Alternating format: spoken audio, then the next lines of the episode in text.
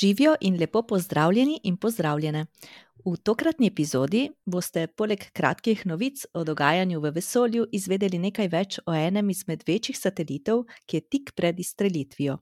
Govoriva seveda o vesoljskem teleskopu James Webb, z nama pa se je pogovarjala profesorica Maruša Bradač. Čakajo vas seveda tudi novice, opazovanja uh, in zvočna uganka, tako da kar začnimo.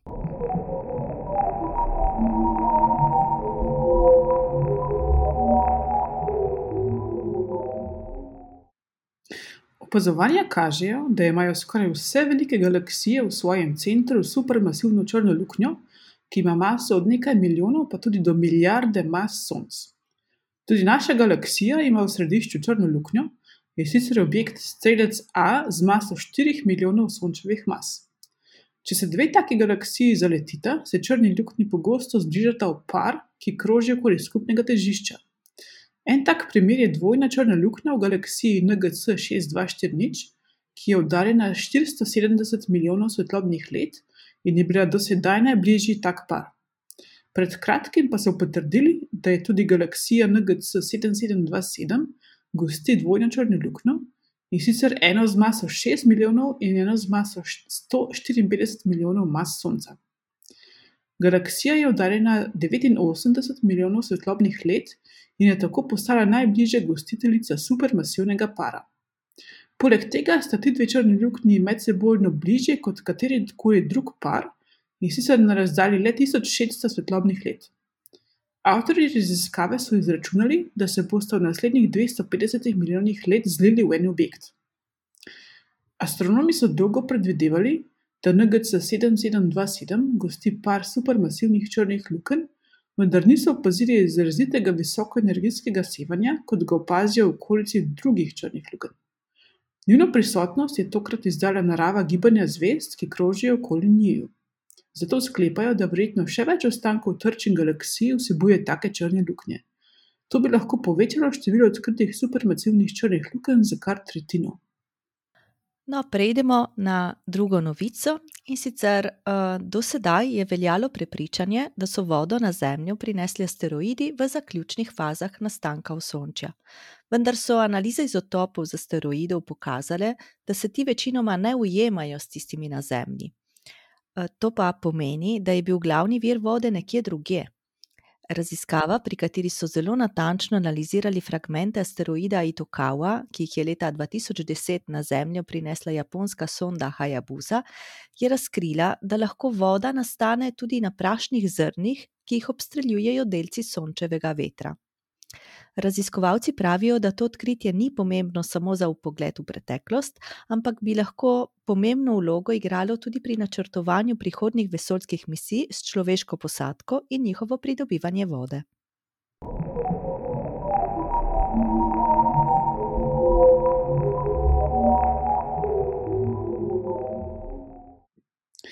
Po 25-letni gradnji in daljših pripravah bo konec letošnjega leta v vesolje poletel vesoljski teleskop James Webb. Teleskop, ki je sad sodelovanja med ameriško NASA, Evropsko in Kanadsko vesoljsko agencijo, bo poletel na raketi Ariane 5 iz francoske Gvajane 92. decembra letos. Teleskop sestavlja 6,5-metrsko zrcalo iz 18 heksagonalnih elementov. Na krovu pa ima štiri inštrumente, namenjene predvsem opazovanju v infrardeči svetlobi. Teleskop bo opazoval iz Lagranževe točke L2, ki je 1,5 milijona km oddaljena od Zemlje. Teleskop bo namenjen opazovanju astronomskih objektov, ki so nastali na začetku vesolja, zmožen pa bo tudi opazovanje atmosfer bližnjih eksoplanetov. V tokratni epizodi podcasta se nama pridružuje Maruša Bradač. Eh, Maruša je profesorica eh, na Univerzi v Kaliforniji, Davisu, in eh, bo z naslednjim letom profesorica na Univerzi v Ljubljani in sodeluje pri vesoljskem teleskopu James Webb. Lepo pozdravljena, Maruša. Hvala, lepo zdrav. Uh, Maruša, v svojem raziskovanju si se ukvarjala z jatami galaksij, s temno snovjo in sedaj tudi s prvimi galaksijami, ki so nastale v zgodnjem vesolju. Kdaj si se pridružila sodelovanju pri vesoljskem teleskopu James Webb in na katera vprašanja boš iskala odgovore?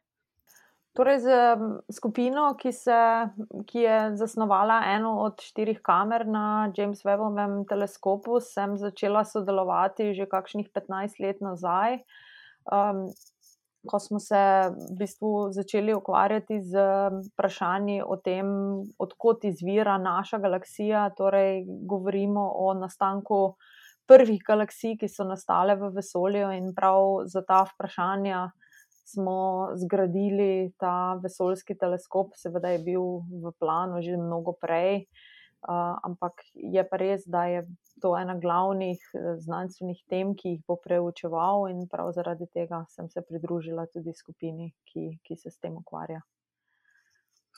Uh, kot si povedala, so v takem teleskopu, kot je James Webb, začeli razmišljati uh, že pred precej leti, že pred več kot 25 leti, in to kmalu potem, ko je bil streljen uh, Hubbleov vesoljski teleskop. Uh, kateri so bili vzgibi za tako načrtovanje takega teleskopa? Zakaj so takoj po Hubblu začeli načrtovati nov teleskop? Um, torej, vsi teleskopi imajo svojo življenjsko dobo, in pa seveda načrtovanje takšnega teleskopa traja dolgo časa, predvsem pridobivanje finančnih sredstev in vsega ostalega se, se vedno zavleče. Zato je pomembno, da takoj, ko uresničimo en teleskop, se začne pripravljati že nov, zaradi tega, ker um, kot vidimo sedaj. Hubble je že več kot 30 let v vesolju uh, in tako uh, komaj sedaj bomo pa izstrelili Vevov teleskop, tako da je tukaj kar pomembno, da za razvoj znanosti poskrbimo uh, mnogo let, predno, predno se to zgodi. Uh -huh. uh, Hubble vesoljski teleskop si uporabljala tudi ti v svojih raziskavah. Uh, na, sedaj pa bo njegov naslednik postal James Webb. Um, kakšne so razlike in kakšne so podobnosti med tema dvema teleskopoma? Um, torej, Hubble teleskop uporabljamo še danes. Um, tudi sama imam projekt na Hubblovem teleskopu, pravkar dobivamo podatke iz njega.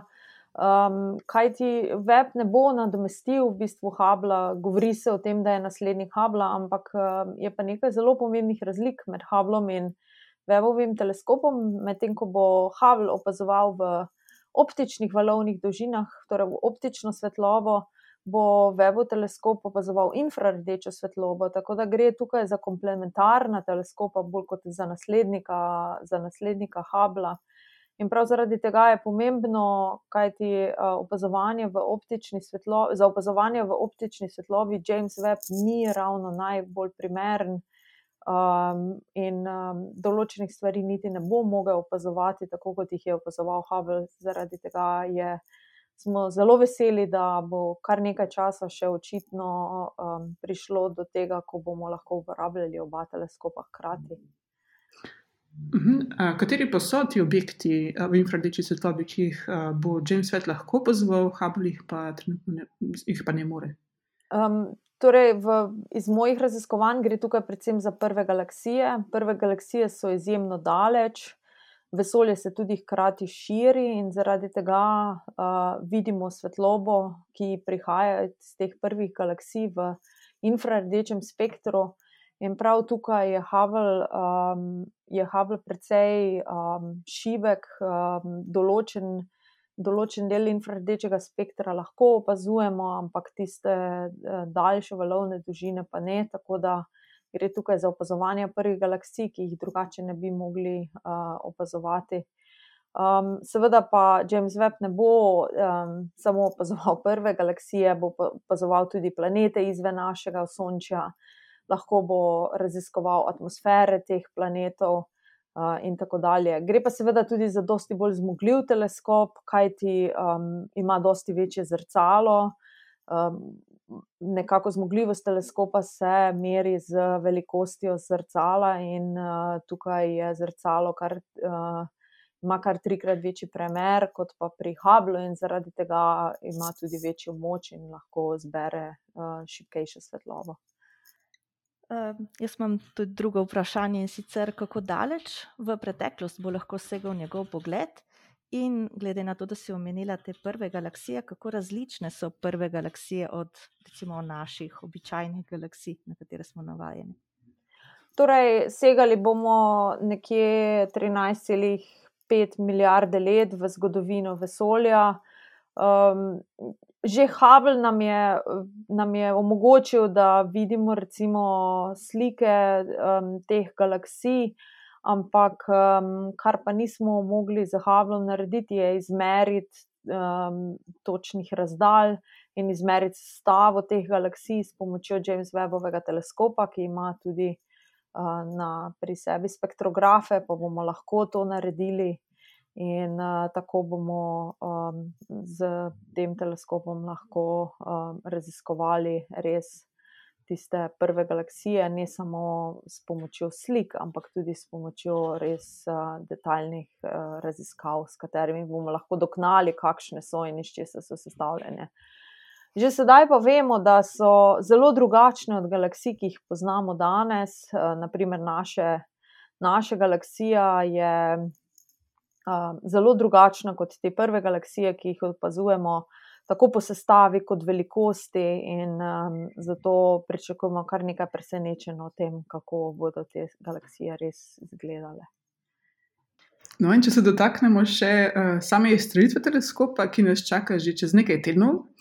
Um, sama izstrelitev po vseh teh dolgih letih načrtovanj, seveda, ne bo uh, končna postaja, ampak še začetek uh, te pustolovščine. Uh, ampak predtem ga pa čakajo še številni testi. Kakšni testi uh, bodo to in koliko časa bomo mogli čakati, čakati na prve rezultate teh opazovanj?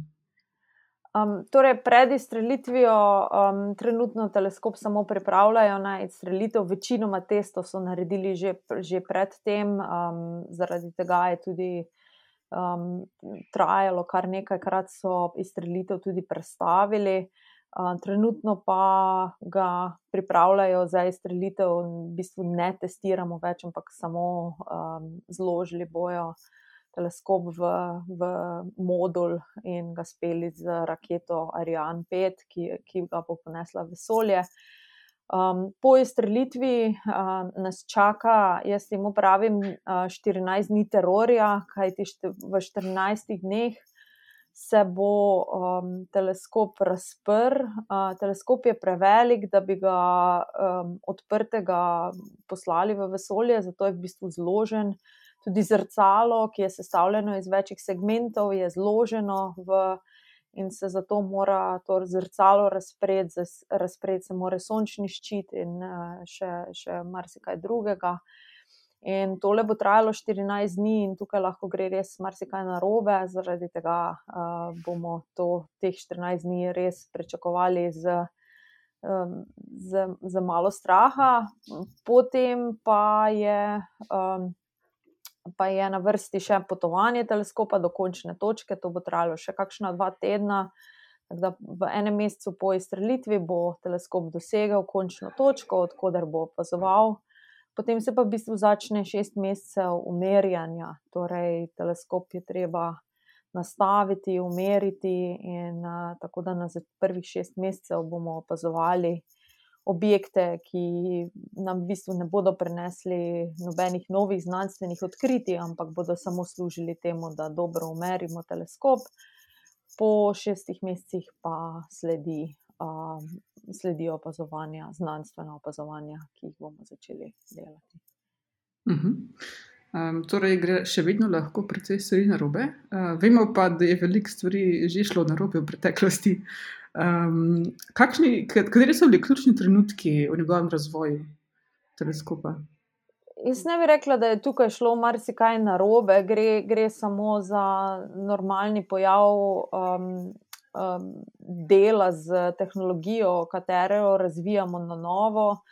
Kaj ti tukaj gre za določene stvari, ki jih še nikoli nismo naredili v preteklosti, in seveda je treba stvari provati, in včasih tudi ugotoviš, da kakšna stvar ne dela in jo je treba popraviti.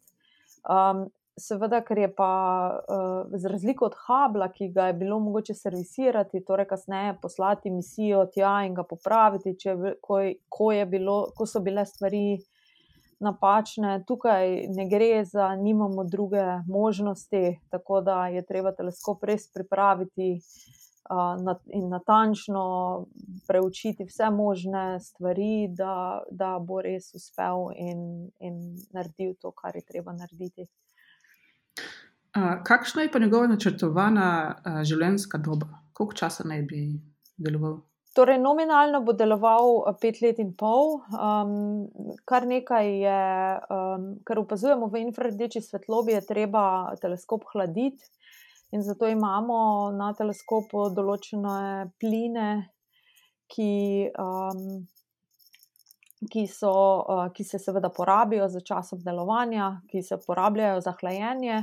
In ko seveda teh zmanjka, teleskopa ni več mogoče tako, um, tako dobro ohladiti. Tako da po petih letih in pol, uh, s časoma, potem se, bo, uh, se bodo predvsem tiste najdaljše valovne dolžine, tisti inštrumenti z najdaljšimi valovnimi dolžinami, kot so miri, bodo začeli delovati manj, uh, manj efektivno, ampak um, še vseeno bo pa teleskop deloval.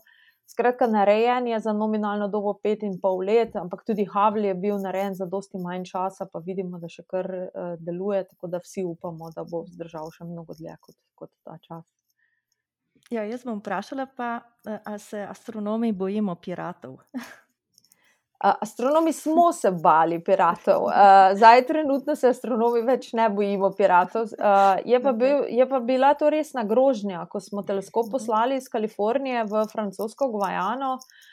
Um, gre za teleskop, ki je vreden 10 milijard dolarjev. Ne? Tako da um, nas je bilo resnično strah, da bi kakšni um, pirati to ugrabili in zahtevali, seveda, odškodnino, da, da nam ga vrnejo.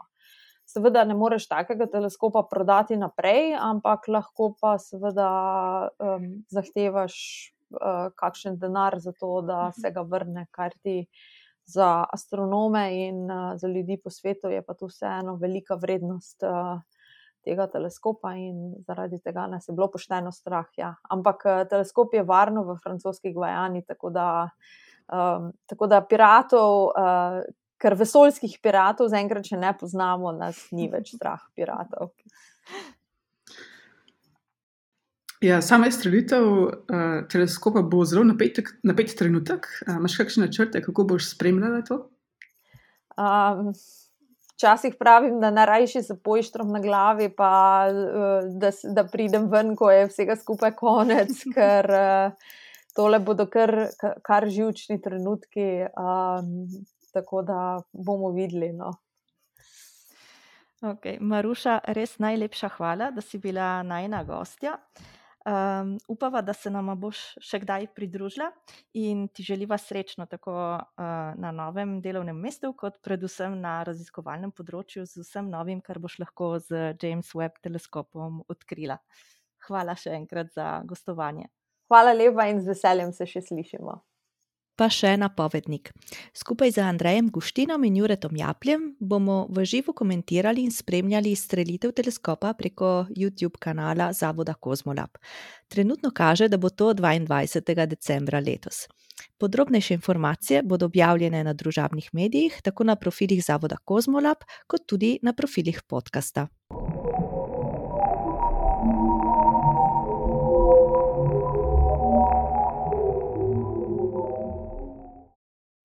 Prvo priporočilo so kratke novice, ki izhajajo z imenom Space Scoop, novice iz širnega vesolja. To so aktualne novice, napisane na enostaven, razumljiv in zanimiv način. Za te novice skrbi organizacija UNAVI, kar je kratica za Universe Awareness, zavedanje vesolja. 13 najboljših vesoljskih agencij posreduje svoje novice, UNAVI jih preoblikuje in prostovoljci iz različnih držav prevedejo skupno 33 jezikov. Med temi jeziki je tudi slovenščina. Zaradi razumljivega in enostavnega jezika so novice zelo primerne tudi za otroke. Uh, tudi učitelji jih lahko uporabijo za popestritev šolskih ur ali kot dodatno gradivo. Pred leti sem na portalu Vesolje objavila primer uporabe. Izbrala sem novice o zvezdah in sestavila učno uro o življenju zvezd. Uh, ne samo za otroke, primerne so tudi za vse, ki ste radovedni in vas tehnične plati astronomije mogoče manj zanimajo, bi pa radi bili na tekočem z dogajanjem v vesolju.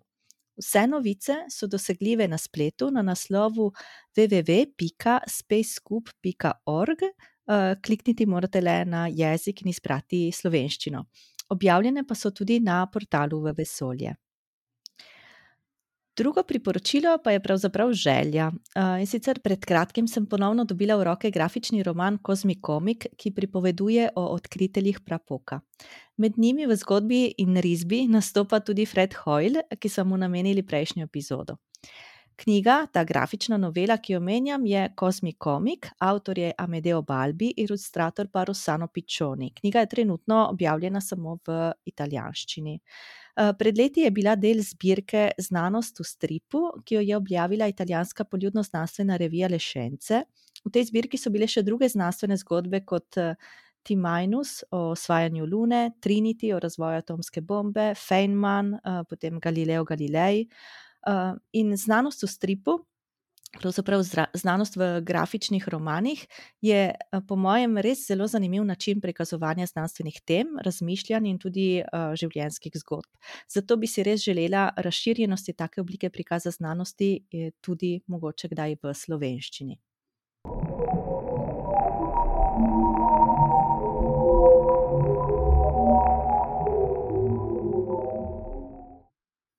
Začel se je december in v tem mesecu bodo jasno nočno nebo krasili Luna, Venera, Jupiter in Saturn.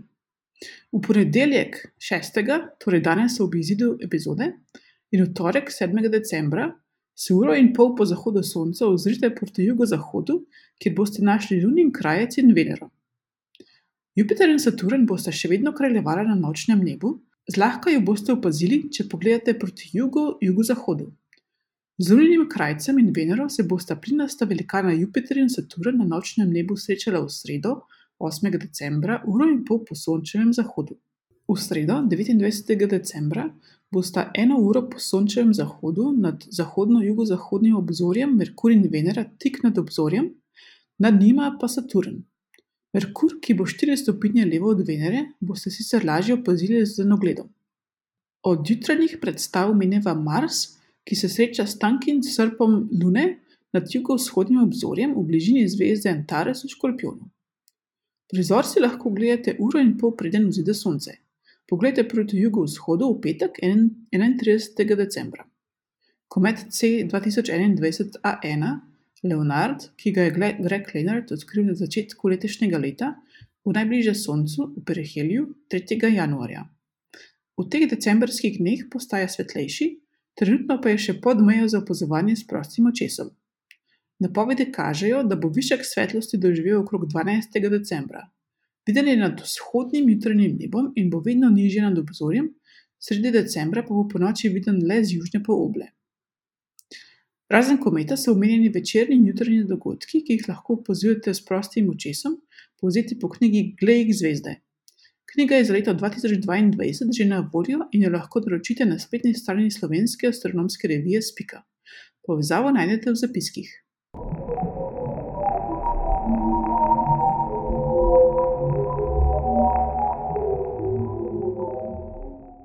Z novim letom bo astronomska uganka dobila svoj poseben prostor. Eh, tretji ponedeljek v mesecu boste v svoji aplikaciji za podkaste našli nov vesoljski zvok in kratko razlago. Danes pa še zadnja rešitev zvočne uganke, ki jo najprej dajmo preposlušati.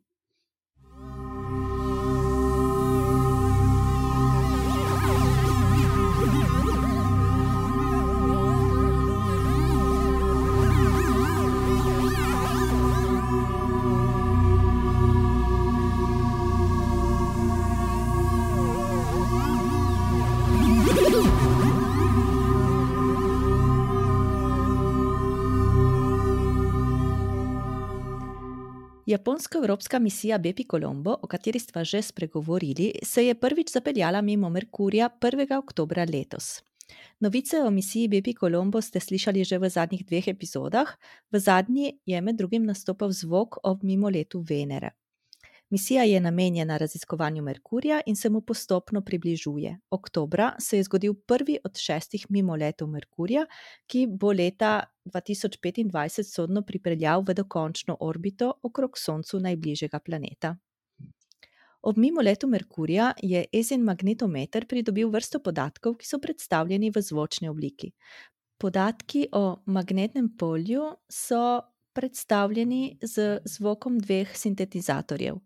Višina tona za prvi sintetizator predstavi počasno spremembo magnitude magnetnega polja v ozadju. Na začetku poslušamo sončev veter, potem magnetno polje planeta, na koncu pa vnovič sončni veter. Nižji toni predstavljajo močnejše magnetno polje. Višina tona drugega sintetizatorja pa predstavi spremembe magnetnega polja.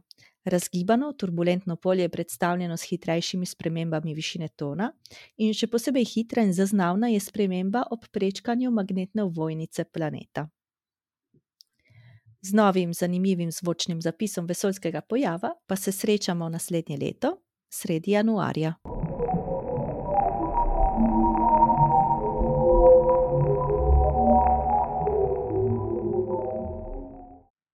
Temna stran Lune je podcast za radovedneže, ki jih zanima vesolje in preplet s književnostjo, znanostmi, glasbo in še marsičem.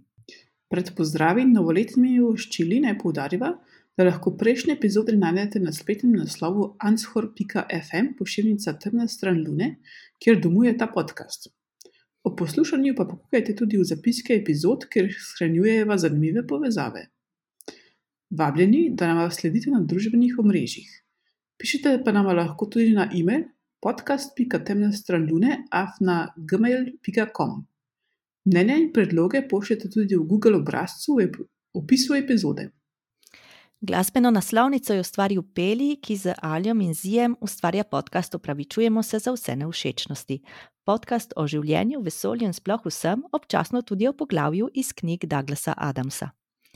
Z vami sva bili Maruša in Dunja, v goste sva povabili Marušo Bradač, eh, ki se ji lepo zahvaljujeva in s katero sva se pogovarjali o vesoljskem teleskopu James Webb, ki bo kmalo poletel.